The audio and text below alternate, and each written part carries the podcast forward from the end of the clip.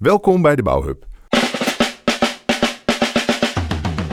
De podcast waar kennis, ervaring en het belangrijkste nieuws over projectmanagement in de bouw bij elkaar komt. De Bouwhub is de plek waar je de laatste tools ophaalt voordat je naar de bouwplaats toe gaat. In deze podcast delen wij onze kennis en die van anderen, omdat wij erin geloven dat delen leidt tot vermenigvuldigen. De Bouwhub wordt gemaakt door procesmanagers, een sprankelende club van denkende doeners in bouw, infra en energieprojecten. Mijn naam is Joost Merema en wat fijn dat je luistert. Nou, de zomerstop is voorbij. Inmiddels zitten we in het najaar. En zoals dat al gaat, hè, we waren ook druk bezig met andere dingen dan uh, Bouwhub podcast maken. Maar wat fijn dat je luistert. Uh, en we gaan vandaag de draad weer oppakken met een fantastische aflevering over omgevingsmanagement. En ik ben zeer vereerd om het daar met uh, twee experts op dat gebied over te mogen hebben vandaag. Um, want in de podcast vandaag zijn te gast op alfabetische volgorde Annika Kortland en Boukje Witte. We gaan het hebben over omgevingsmanagement. En omdat daar zoveel over te vertellen is, zal dit een serie worden van twee podcasts. En um, die op zich afzonderlijk van elkaar te beluisteren zullen zijn. Um, en ik heb er ontzettend veel zin in. Dames, van harte welkom in onze podcast studio. Dankjewel. Wie, wie ben je en waarom, vraag ik altijd. Nou, Annika Kortland, uh, omgevingsmanager uh, als ZZP'er. En uh, al ruim 15 jaar. En op dit moment uh, omgevingsmanager bij Ede Sport. Oftewel de bouw van het nieuwe station Ede-Wageningen. Waar diverse tunnels worden ingeschoven, onder andere. Oké, okay, oké. Okay. En uh, Boukje? Ik ben uh, Boukje Witte. Ik ken Annika van de Hoge Snelheidslijn Zuid. Dat is een, uh, een, een, spoorlijn voor hele snelle treinen. En die ligt er al heel lang. En uh, daar kennen we elkaar van. Dus dat is ook hartstikke mooi in onze samenwerking. ik werk bij Nuf Associates als omgevingsmanager. En op dit moment werk ik voor de gemeente Utrecht. En ik doe daar hele mooie projecten in het centrum. Waaronder de, de herinrichting van het Lombokplein. Oh, kijk eens aan zeg. Hey, wij hebben samengewerkt hè, op, op verschillende projecten. Dat is misschien wel goed om te weten. Ja, dus het um, bij, de, bij, de, ja, bij het, het project Brug 108 toen, uh, toen lang geleden, toen het een calamiteit was. Klopt. Brug 108 is een van de weinige bruggen in Amsterdam, volgens mij zonder echte naam. Hij heet gewoon Brug 108. En uh, daar ken ik jou uh, van, Joost. Maar ook later van de Oranje Loper. Ja. En ook daar hebben Annika en ik ook samengewerkt. Ja, precies. Voor wie het niet weet, Oranje Loper, groot project in Amsterdam. Herinrichting van straten en renovatie van negen bruggen. En, en dat was niet jouw eerste Amsterdamse project, Annika? Want wij ontmoeten elkaar op een op een project zonder spoor. Hè? Dat, zonder spoor, maar wel met ontzettend veel drukte. Uh, wij ontmoeten elkaar op het Beursplein, uh, Damrak, uh, waar een nieuwe fietsparkeergarage werd gebouwd. En daar was ik de omgevingsmanager voor de aannemer. En jij de projectmanager vanuit de gemeente Amsterdam. Ja, en ik heb jullie leren kennen als experts, maar ook die-hard omgevingsmanagers. Zonder dat ik dan nou precies echt in een hokje kan stoppen. Dus eigenlijk, ik probeer ook vandaag samen met, met jullie uh, die, die omgevingsmanager dus neer te zetten. Want er zijn heel veel uh, projecten die werken met omgevingsmanagers. Er zijn ook heel veel projectmanagers en projectleiders die uh, misschien wat meer met een omgevingsmanager zouden willen doen of, of, of, moeten doen zelfs wel. Maar ja, wat is nou omgevingsmanagement? Hè? En, en, en, en hoe kijken jullie daarnaar? Wat, wat is omgevingsmanagement? Als iemand je dat vraagt, wat zeg je dan? Nou, ik zou wel willen beginnen met dat het een enorm breed vak is. En dat, uh, zoals Annika en ik hier zitten, wij zijn met name gespecialiseerd in uh, de voorbereiding van grote uitvoeringsprojecten en echt omgevingsmanager in de uitvoering. Maar omgevingsmanagement begint natuurlijk al veel eerder bij, bij het eerste schetsontwerp. Hoe ziet een straat eruit? Hoe ziet een stad eruit? Hoe ziet een gebied eruit? Uh, dat is wel een vak waar Annika en ik wat minder ervaring in hebben. En misschien ook wat minder uh, vandaag over zullen vertellen. Maar we hebben bijzonder veel ervaring in de, in de uitvoering en de voorbereiding daarvan. En als je mij vraagt wat is omgevingsmanagement eigenlijk, dan kijk ik naar uh, het ophalen van de belangen in een, in een omgeving. En die omgeving kan ontzettend breed zijn. Dat kan gaan om ondernemers, om gebruikers van een gebied. Kan ook om je interne omgeving gaan. En het is echt belangrijk om te weten wat speelt er nou in die omgeving? Wat uh, what makes you tick? En uh, waarom wil je dat weten? Omdat je uiteindelijk uh, draagvlak wil creëren in die omgeving.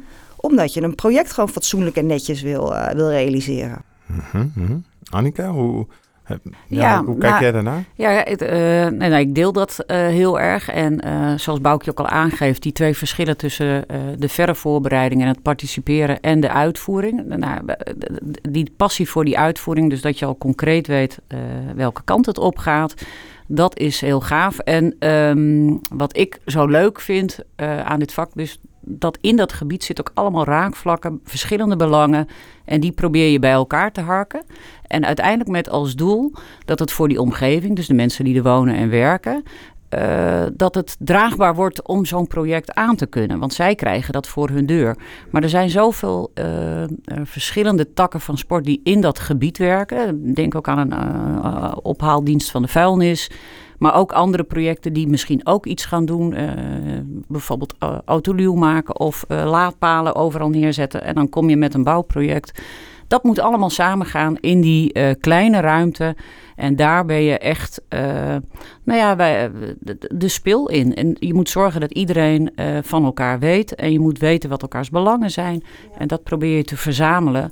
En eh, dan kun je als project eigenlijk pas aan de gang als dat bekend is. Ja, en het is niet, denk ik niet alleen verzamelen, zeg maar een lijst van belangen en eh, wie wat doet en eh, hoe de hazen lopen. Maar het gaat ook echt om een, um, een hele oprechte en realistische dialoog aangaan met die, met die stakeholders, noem het dan maar eventjes. Met al die mensen die zich in die omgeving rond, die in de omgeving ronddarren. Um, en een dialoog, dat vind ik altijd wel belangrijk. Dat hoeft niet altijd um, um, altijd in hele goede harmonie te gaan. Wat mij betreft mag het af en toe ook wel even, even, even botsen, weet je wel. Je, soms sta je ook gewoon tegen elkaar. En dan moet je even op zoek naar van waar vinden we elkaar weer. Dat heb je ook in je relatie thuis of in de relatie met je broers en zussen. Dat heb je ook in een omgeving met stakeholders. Van gebruikers tot bewoners tot ondernemers. Hey, en um, dus... Om, die, dus ik hoor je, uh, jullie allebei benoemen, het gaat om iets wat je haalt vanuit de omgeving naar het project toe. Maar het is ook iets wat je brengt vanuit het project naar de omgeving. Hè? En, en, en wat daar dan heen en weer gaat, dat botst af en toe. Even uh, heel plat gezegd, Boukje. Maar iedereen is toch blij met een bouwproject. Het is toch hartstikke mooi dat we een brug bouwen of een weg bouwen. Dat, dat is toch super. Dus uh, hoezo zouden mensen daar uh, gewoon ja, principieel niet blij mee kunnen zijn? Weet je, ik merk in onze, in onze kleine wereld, onze projectmanagerswereld, hè, technisch managers, omgevingsmanagers, contractmanagers. Wij, wij kunnen heel erg, uh, heel erg enthousiast worden over onze technische, technisch evangelie, zeg maar, wat we gaan uitstorten over die buurt. Uh, die buurt heeft ook vaak een andere context. Die hebben misschien al heel veel uh, met heel veel projecten te maken gehad. misschien spelen er ook wel hele andere zaken als. Uh, het moet ook nog eens een keer autoluw worden, klimaatadaptatie, hangjongeren, de vuilnis wordt niet opgehaald. Er zitten, we hebben geen goede minister-president, de koning deugt niet. Dus er spelen zoveel zaken, zeg maar, die, die, context neem je mee op het moment dat je zo'n omgeving ingaat. En dan kan je wel zeggen, de weg die ik ga aanleggen is fantastisch en er komen tien bomen. Maar zo'n omgeving die kan dat toch anders opvatten, zeg maar. En die context die moet je altijd voelen en meenemen in je, in je ontwikkeling. Hey, deden wij eigenlijk op projecten altijd al omgevingsmanagement? Of is dat iets wat, wat zich de laatste jaren wat meer ontwikkeld heeft, Annika? Nou, zolang wij werken wel. Want uh, uh, ik denk, we hebben, Boukje en ik komen beide bij de HSL Zuid uh, vandaan. Daar zijn we beide eh, zo'n beetje begonnen met werken. Wat was dat ook alweer, de HSL Zuid? Dat is de Hoge Snelheidslijn Zuid, die van Amsterdam naar Parijs ging, of gaat. En, die moest gebouwd worden? Die moest gebouwd worden, daar moest de infra voor worden aangelegd. En dat ging dwars door de, door de weilanden. richting van Amsterdam naar, naar Rotterdam, met name door de weilanden. En dan zijn vervolg via Breda naar, naar, naar Brussel. En um, ik denk dat daar wel een beetje het omgevingsmanagement is geboren. En uh, wij hebben beide gewerkt onder een omgevingsmanager. En uh, als ik voor mezelf spreek, een hele bevlogen man. waarvan ik eigenlijk ook wel de kunst heb afgekeken hoe je dat, nou, dat dialoog wat Boukje schetst, aangaat. Gewoon luisteren. Wat speelt er? Wat zit iemand dwars? Wat, waarom zit iemand in de weerstand? En dan kijken um, nou ja, of je het op kunt lossen, wat je daarmee moet, hoe je die weerstand om kunt buigen en uh, hoe je mensen kunt betrekken en meenemen in je project. En dat is dan denk ik uh, zo'n 22, 24 jaar geleden zo om en nabij. Uh... Auw, Auw. ruim, ruim 25. Ja, en al eerder, denk denk bak je iets eerder bij de, bij de Hazel Zuid zat. En, en werd het daar dan eigenlijk voor het eerst echt uitgevonden en heette het dan zo? Of hoe? Het heette, heette al echt omgevingsmanagement, ja. Nou, jullie vertelden net over dat het, eh, zeg maar dan, ja, zo'n HSL, hè, dan hebben we het over zo'n eh, zo'n nou, 25 jaar geleden al dat dat eh, begon, die voorbereidingen. Uh, nou ja, mensen die in die periode actief waren, weten nog, was een heel gedoe. Hè. Je had de Betuwe-route en je had de HSL. Dat waren echt die twee grote megaprojecten. Uh, en, de roestbakken en de snelle treinen. Dat Ja. was een beetje het verschil. Ja, en ik liep stage op de roestbakken, Ah. voor de eh, duidelijkheid. De- en, en, die, snelle gasten bij de HSL, die Ja. waren... Dat maar goed. Ehm, wat eh, toen volgens mij, als ik erop terugkijk, zo speelde, was, die, was, was de weerstand. En nu zal er altijd wel weerstand tegen projecten zijn geweest.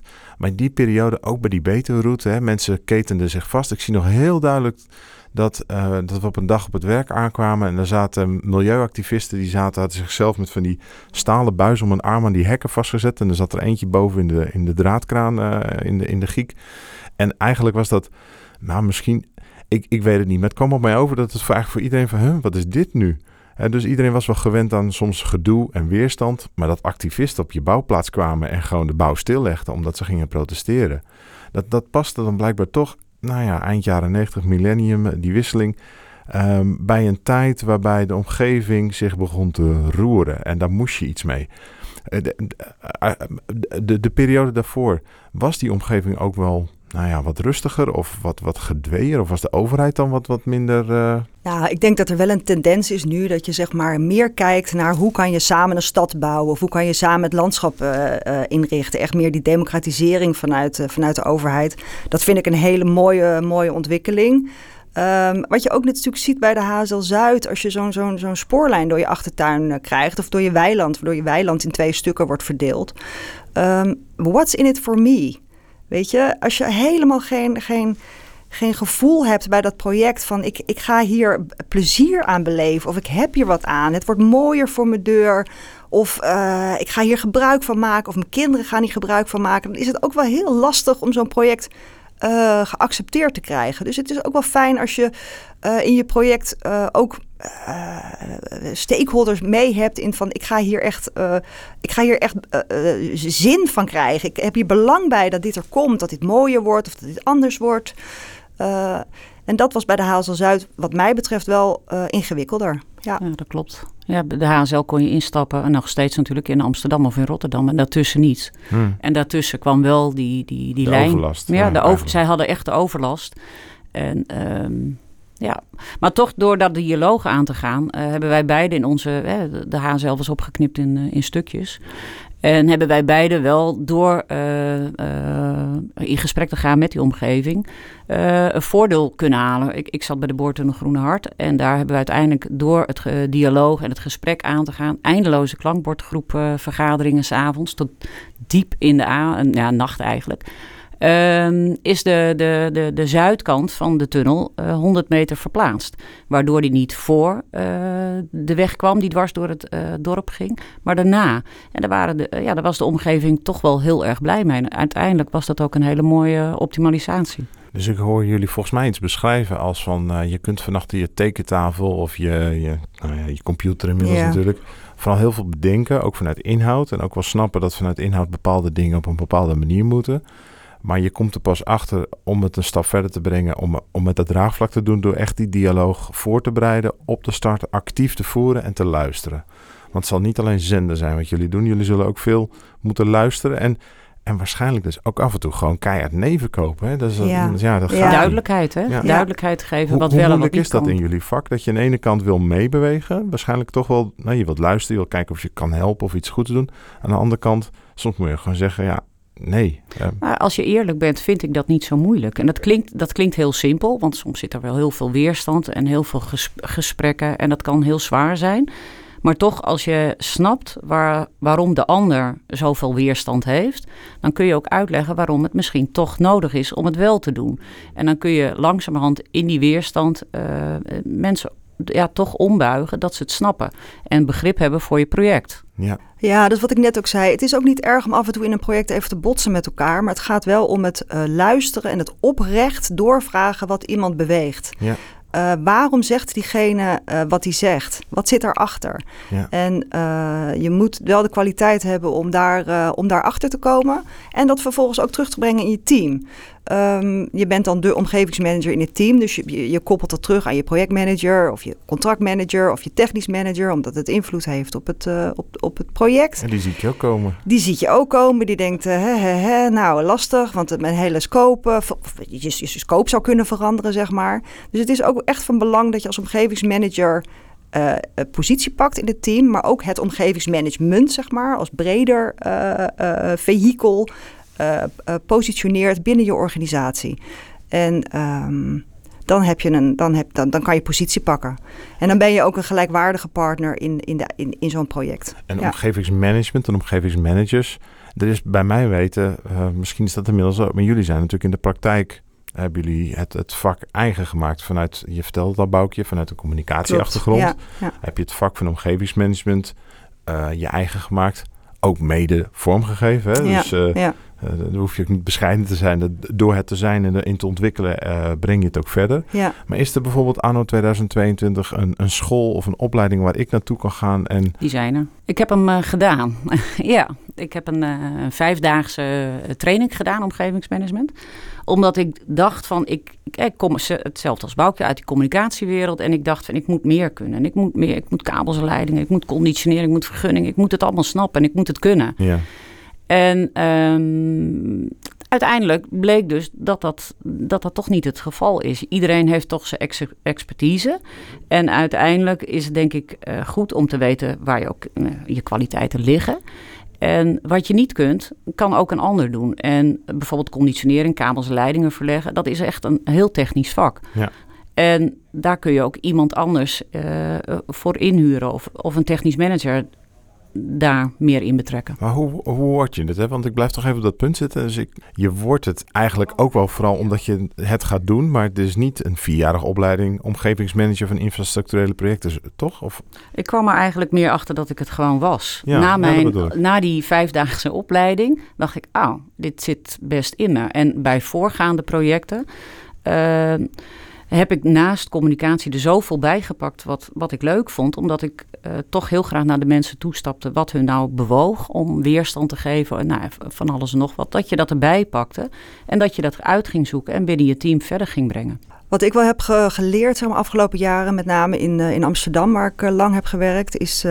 nou, ik werkte voor de Noord-Zuidlijn, dat, kennen we, dat kennen we uiteraard allemaal is dat, de, uh, dat het zo belangrijk was om een mens, een menselijk mens, te zetten op een project uh, die de uh, relatie legt, of de verbinding legt, zeg maar, tussen ehm, de bouwer, hè, degene die daar iedere ochtend om zeven uur binnenkomt in die buurt, de projectorganisatie, de opdrachtgever, zeg maar, en, en de buurt.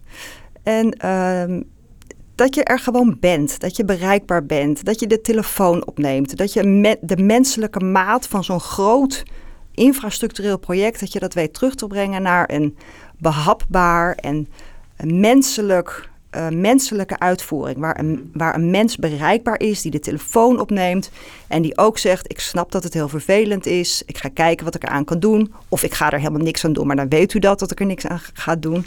Dat je die uh, rol vervult ja, ik denk dat dat echt heel waardevol is uh, als omgevingsmanager. Ja. Wat, wat, zou gebeuren als, als, als zo'n project dat niet doet? Krijg je meer weerstand, ja, denk ik. meer weerstand. En dat gaat ook ten koste van, je, van de reputatie van, van het project. Dat kan, dat kan de aannemer zijn, of dat kan de opdrachtgever zijn, en overheid.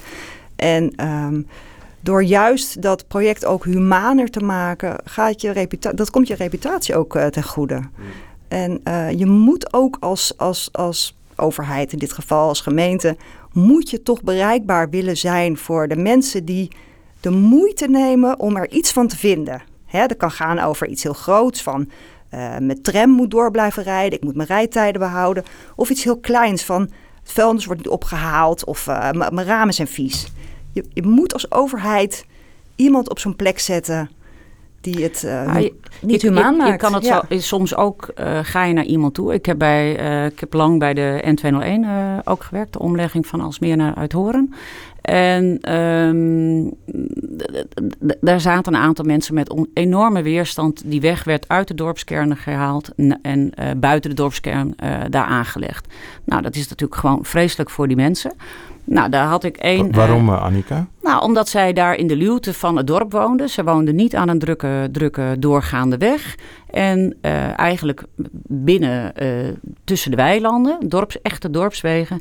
En die N201 werd omgelegd naar die dorpswegen toe. En die kruiste daar. Dus die mensen kregen in één keer viaducten, tunnels en dwars door hun straten heen. Er was een man en die zei: Ik bijt me vast aan het, uh, aan het uh, viaduct. Als hij open gaat, gaat mij niet gebeuren. Ik zit eraan vast. En uh, nou, dat, dat riep hij altijd. Man was uh, heel goed belezen, had, had heel veel kennis van het project. Ook de, de lange, het lange voortraject eraan voorafgaand. En toen was ik bij hem, ik ben vaak bij hem op bezoek gegaan om altijd gewoon toch die extra aandacht. Als er ruimte was voor een kopje koffie, even ja, ook het gesprek ja. aangaan.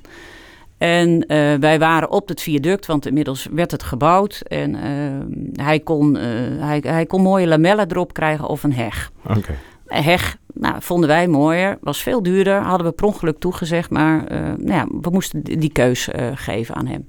Hij zei, ik heb voor de lamellen gevochten, die ga ik krijgen ook. Daar heb ik nog tegen hem gezegd, nou, een heg is echt mooier. Nou ja, hij wilde die lamellen. Die heeft hij uiteindelijk gekregen. Maar hij zei, ik bijt me vast en deze weg gaat nooit open. Toen ben ik naar hem toe gegaan en zijn vrouw was erbij.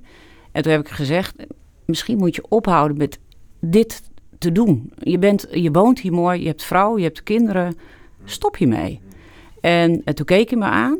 Ik zei, je hebt heel veel voor om te leven. En ik zei, of je nou wil of niet, de weg komt er. Hij ligt er al, hij gaat straks open en je kan daaraan vast uh, gaan zitten. Toch moet je door. Ja. En toen keek hij mij aan en zijn vrouw stak een duimpje naar mij op dat ik dacht, oh, oké. Okay. Want ik vond het heel spannend om te zeggen, maar ik ja. gunde die man die rust. En daarna, het is echt een andere man geworden. En ik belde hem heel vaak en, en hij, uh, hij veranderde. En hij had rust. Hm. En we hebben hem eigenlijk uh, ja, niet nooit meer gehoord, maar op een hele andere manier. Waardoor het heel prettig samenwerken werd. Oh, dat is mooi. Ja. Dat is, dat, ja. ik, ik heb ook wel het beeld van omgevingsmanagement dat het aan de ene kant soms um, lijkt het heel groot en beleidsmatig en structureel. En dan heb je het over dingen als uh, stakeholders en shareholders en dat soort. En tegelijkertijd, als ik dan, uh, als, als je het gesprek voert, dan komen eigenlijk vooral de verhalen en de anekdotes. En misschien maken de verhalen het, de, de kleine anekdotes, nou klein, ik wil er niks aan afdoen hoor, maar de anekdotes maken eigenlijk het grote verhaal van dat project. Dat is wat overeind blijft. Als ik de boeken kijk van die grote projecten, dan staan die altijd vol met individuele verhalen, maar de individuele verhalen samen maken ook de omgeving. Want er is niet, ik, ik kan niet de telefoon pakken en de omgeving bellen. Nou, wij hebben bij de N201 hierin ja. een boek gemaakt achteraf en ook de omgeving uh, laten interviewen. Ja, en precies. daar niet in gestuurd. Dus ze mochten echt vertellen, vrijelijk, uh, ja, vertellen uh, wat hun beleving was van de komst van, de, van die nieuwe N201. Ah, mooi. Ja. Ik ben het wel met je, wilde, wilde nog wel iets op zeggen, Joost, tuurlijk. Ik ben het wel met je eens. Tegelijkertijd... Um, uh, het, het, het, het gaat om die verhalen, het gaat over wie leeft daar en de anekdotes die we natuurlijk allebei, uh, die al, alle omgevingsmanagers uiteraard hebben. Maar het gaat ook wel over uh, aan de voorkant, voordat je een project start, even ook even de zakelijke kant. Wat ga je ophalen uit die omgeving? Hoe ga je dat verwerken in je contract? Wat ga je aanbesteden? Wat ga je zelf doen? Wat gaat een ander doen? Het is niet alleen maar kopjes koffie drinken. Exact. Nee, dus het, is, eh, ja, nee, maar ik, ik weet dat, je dat, niet, dat jij dat niet weet. Maar dat is toch wel goed om te zeggen. Er zit ook wel een, eh, eh, een noeste arbeid gaat eraan vooraf, zeg maar, voordat we aan de keukentafel eh, zitten. Of tijdens, tij- ook tijdens dat we aan die keukentafel zitten. En we Ja. hadden het net over de totstandkoming, de ontwikkeling en waar het nu staat. Hè. Wat zijn in jullie vakgebied nu voorbeelden van projecten of misschien wel goeroes eh, op het gebied van omgevingsmanagement? Dus, nou, dat, die zijn echt met wel nou ja, het laatste van het laatste bezig. Wat, eh, wat zijn voorbeelden die jullie weer inspireren in je vak? Nou, misschien ook wel weer het hele kleine hoor. Ik had gisteravond een informatieavond, een inloopavond op, eh, in Utrecht op de Oude Gracht. En het voelde voor mij eerlijk gezegd een beetje van, oeh, weer een beetje oldschool informatieavond. En alle mensen, we hebben achteraf geëvalueerd, waren niet, zijn niet heel veel mensen op afgekomen. Maar de mensen die er waren, met al die mensen hebben we een, echt een kwalitatief eh, goed gesprek gevoerd.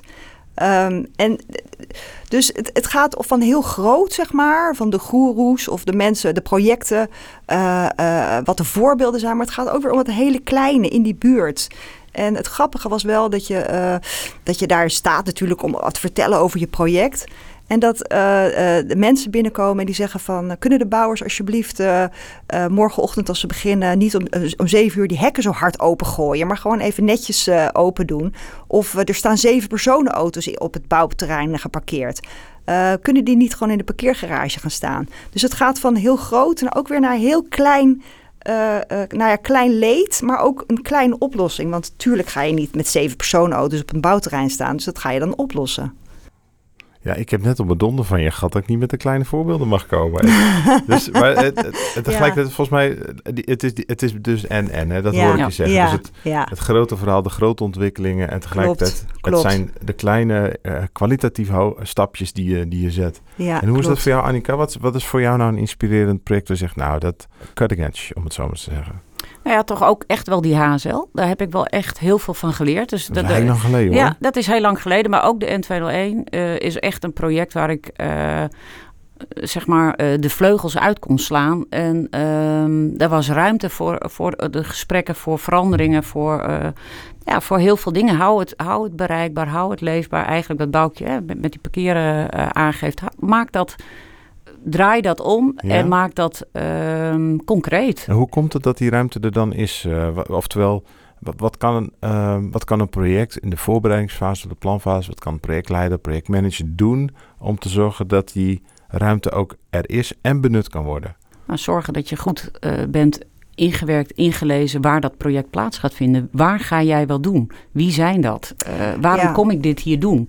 En als je dat goed doorleeft, dan, dan snap je ook meer wat de, wat de behoefte is. Ja, maar en ook wel de houding, uh, uh, uh, de houding naar je omgeving. Wat ik zelf heel belangrijk vind is, nou dat heb ik net ook al gezegd, zeg maar dat humaniseren van dat, van dat project. Maak het klein en behapbaar. Uh, kijk ook naar je omgeving en waar de kennis zit in je omgeving. Want jij komt daar invliegen en je bent s'avonds weer weg. Maar waar zit die kennis in die omgeving en benutten dat ook? En wat ik ook uh, echt altijd, wat ik echt voor mezelf een hele goede les vind, is. Uh, ge, gezeur is altijd waarheid, zeg maar. Perceptie is realiteit. Mensen zeggen wel eens: Oh, zitten al die mensen de hele dag tegen je te zeuren? Nee, die mensen zijn betrokken en die melden iets bij mij waar, wat ze stoort of wat ze anders zouden willen of wat ze goed vinden. En die betrokkenheid vind ik altijd heel bijzonder. Dat mensen zich toch keer op keer inzetten voor hun eigen uh, uh, leefomgeving. Ik moet eerlijk zeggen dat als ik in mijn eigen uh, achtertuin zie wat er gebeurt, dan denk ik, oeh, ik had me hier best wel uh, tegenaan kunnen bemoeien. Maar goed, hè, bij de loodgieter uh, lekt de kraan ook, zeg ik dan maar.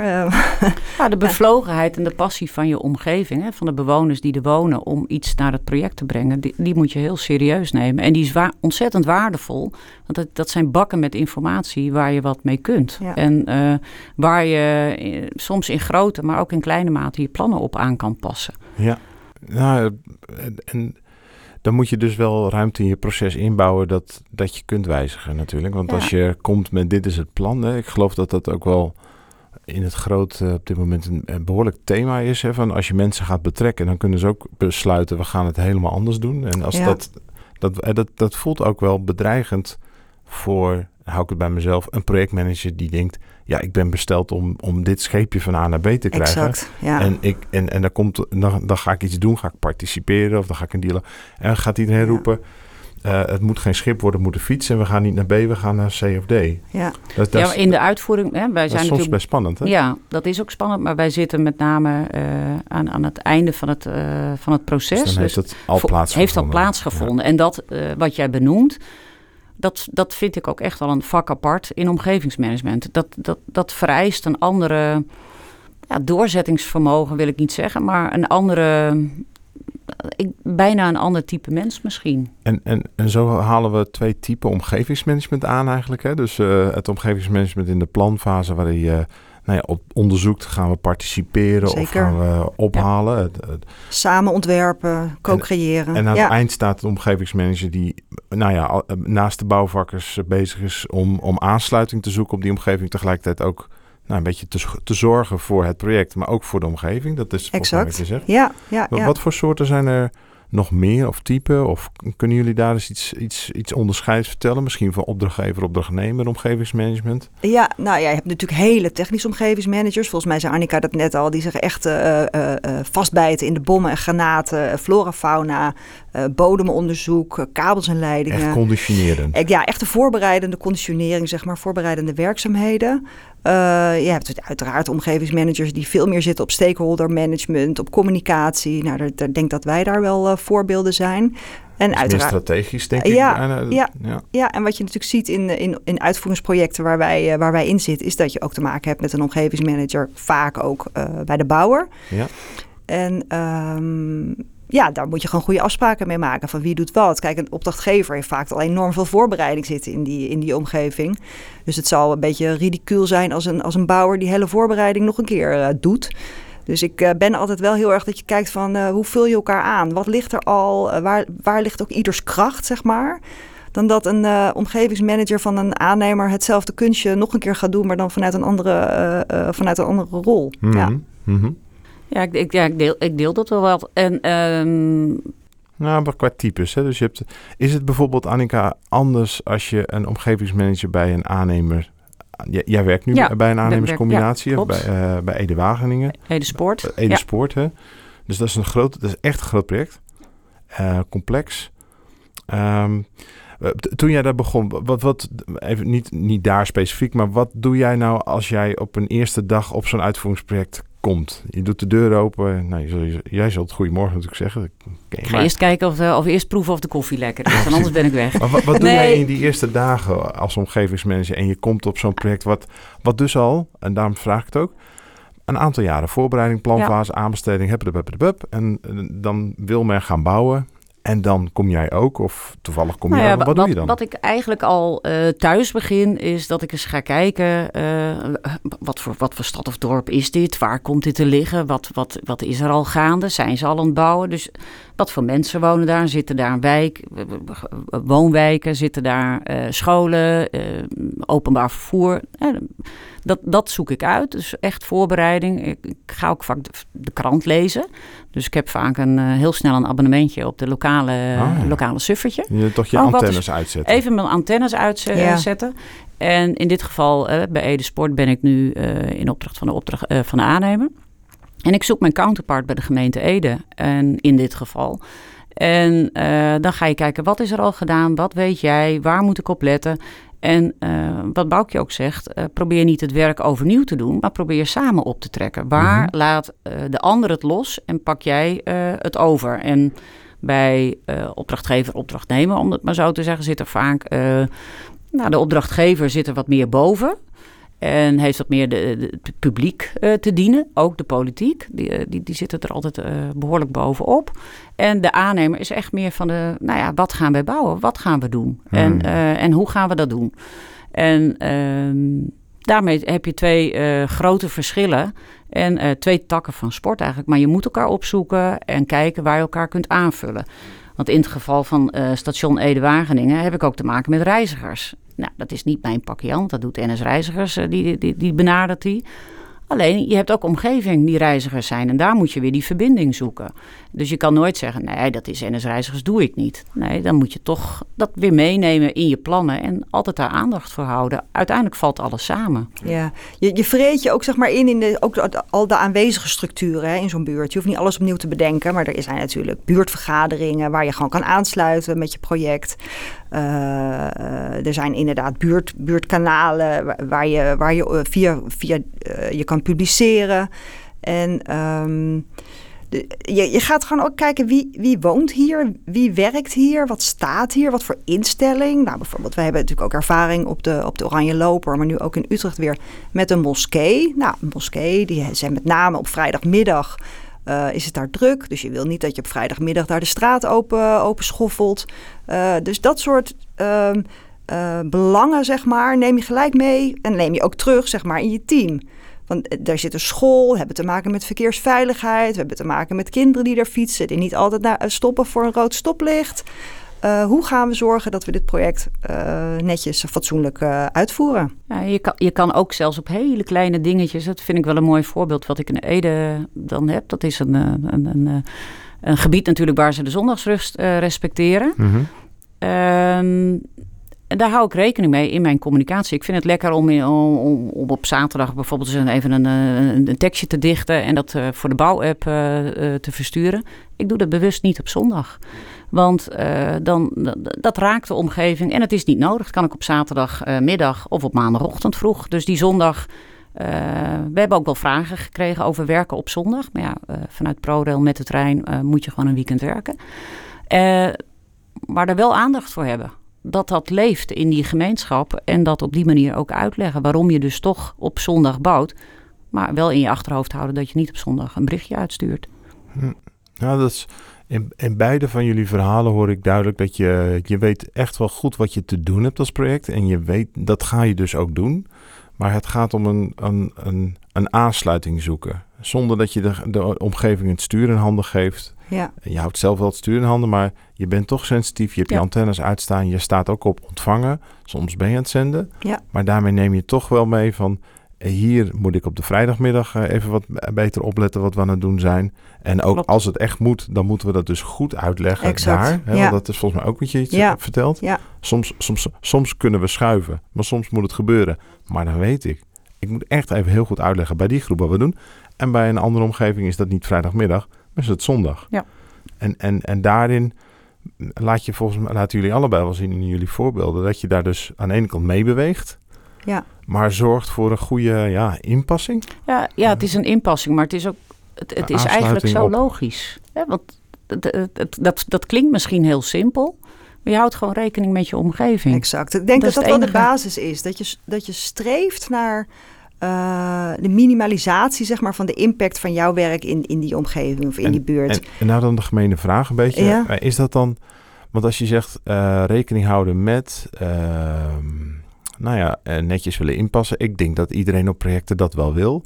Maar toch zijn er dus blijkbaar omgevingsmanagers ook nodig, ja. zodat het gebeurt. Hè? Dus, Ja, Weet je, oftewel, eh, ik, ik ga niet zeggen jullie, aan de ene kant zeg je van het moet in iedereen wel zitten, maar eh, blijkbaar toch niet zo dat het vanzelf gebeurt. Hè? Nee, maar dat is Snap eigenlijk wat ik net ook zei. Je hebt omgevingsmanagers en omgevingsmanagement, zeg maar. En eh, ja, jij, wij zijn dan de omgevingsmanager op een, op een project. Ja, Eh, maar de bouwer is eigenlijk ook omgevingsmanagement, zeg maar. Want als hij, zoals ik net zei, zeven... Of zij. Of zij, ja, sorry. zijn zeven personenauto's eh, op het bouwterrein parkeert. En dan kan ik wel met mooie verhalen die buurt in komen. Van nee, we gaan streven naar minimalisatie van de overlast. En eh, en vervolgens staan daar eh, zeven personenauto's geparkeerd eh, op een bouwterrein. Ja, weet je, dan gaat mijn verhaal natuurlijk ook onderuit. Dus het gaat er ook echt om dat je die, die visie op omgevingsmanagement eh, eh, binnen je eigen organisatie, maar ook binnen de bouw, bouwende organisatie eh, eh, weet over te brengen. En dat je allemaal een soort van omgevingsmanager eh, bent. Daarmee zijn we rond, volgens mij, met een een wandeling die we gemaakt hebben rond het vakgebied omgevingsmanagement. Wat is het wel, wat is het niet, waar komt het vandaan? Ook de verschillende types, hè? En ehm, eh, ik denk dat dat ook het eh, bruggetje mag zijn naar zometeen eh, een volgend deel. Ja. En daar zou ik met jullie wat meer in de nitty-gritty van omgevingsmanagement willen duiken. Dus welke tools gebruik je? Hoe zit dat nou in zo'n team? Hoe werkt dat dan samen? Hoe gaat dat? En nou ja, volgens mij zitten jullie ook vol met, met anekdotes. Dus ik zie er enorm naar uit naar een paar, paar Ja. goede, inspirerende verhalen. V- voor nu, eh, Boukje, heb je alles benoemd wat je op, die rondgang nog wilde benoemen? Nou, het, belangrijkste is, weet je, die buitenwereld doet, er, doet ertoe. En het gaat niet om het, eh, eh, dat wij overtuigen, eh, dat wij gaan overtuigen van iets. Van er moet die straat komen, er moet die brug komen. Maar het gaat erom dat wij die dialoog aangaan met, eh, met die omgeving. En die kan heel breed zijn. Nogmaals, dat kan ook je interne omgeving zijn. Dus die buitenwereld doet ertoe. Dat vind ik gewoon echt heel belangrijk. Annika? Ja, eh, haal binnen naar buiten, eh, binnen, buiten naar binnen toe, excuus. Eh, en Binnen en- naar buiten toe. Ja, buiten naar binnen. Dus de, de Ja. buitenwereld moet je in je project eh, halen en eh, dat continu ver- vertalen en uitleggen naar je collega's. Want die bouwen iets technisch, die leggen eh, eh, iets moois neer, maar toch die buitenwereld meenemen. Nou, super. Dank jullie wel. Ik ben heel benieuwd of we dan daar straks op in kunnen gaan. voor nu in goed. ieder geval heel Ja. veel bedankt voor jullie eh, inspirerende verhalen en ervaringen. Graag gedaan. Dankjewel. Leuk. Daarmee eindigen we deze aflevering van de Bouwhub. Reacties op deze aflevering kun je sturen naar podcast.processmanagers.nl of via onze sociale kanalen zoals op LinkedIn, Ehm, wil je meer aflevering van de Bouwhub luisteren en wil je niks missen? Abonneer je dan via de verschillende platforms. Uh, via het plusje of het boekmarksymbool. Uh, en mis zo geen enkele afleveringen meer. Want we gaan nog flink door. Uh, we hopen dat je weer kennis en tools hebt opgedaan. Die jij morgen kunt toepassen op jouw bouwplaats. Voor nu bedankt voor het luisteren. En we zien je graag weer een volgende keer op de Bouwhub.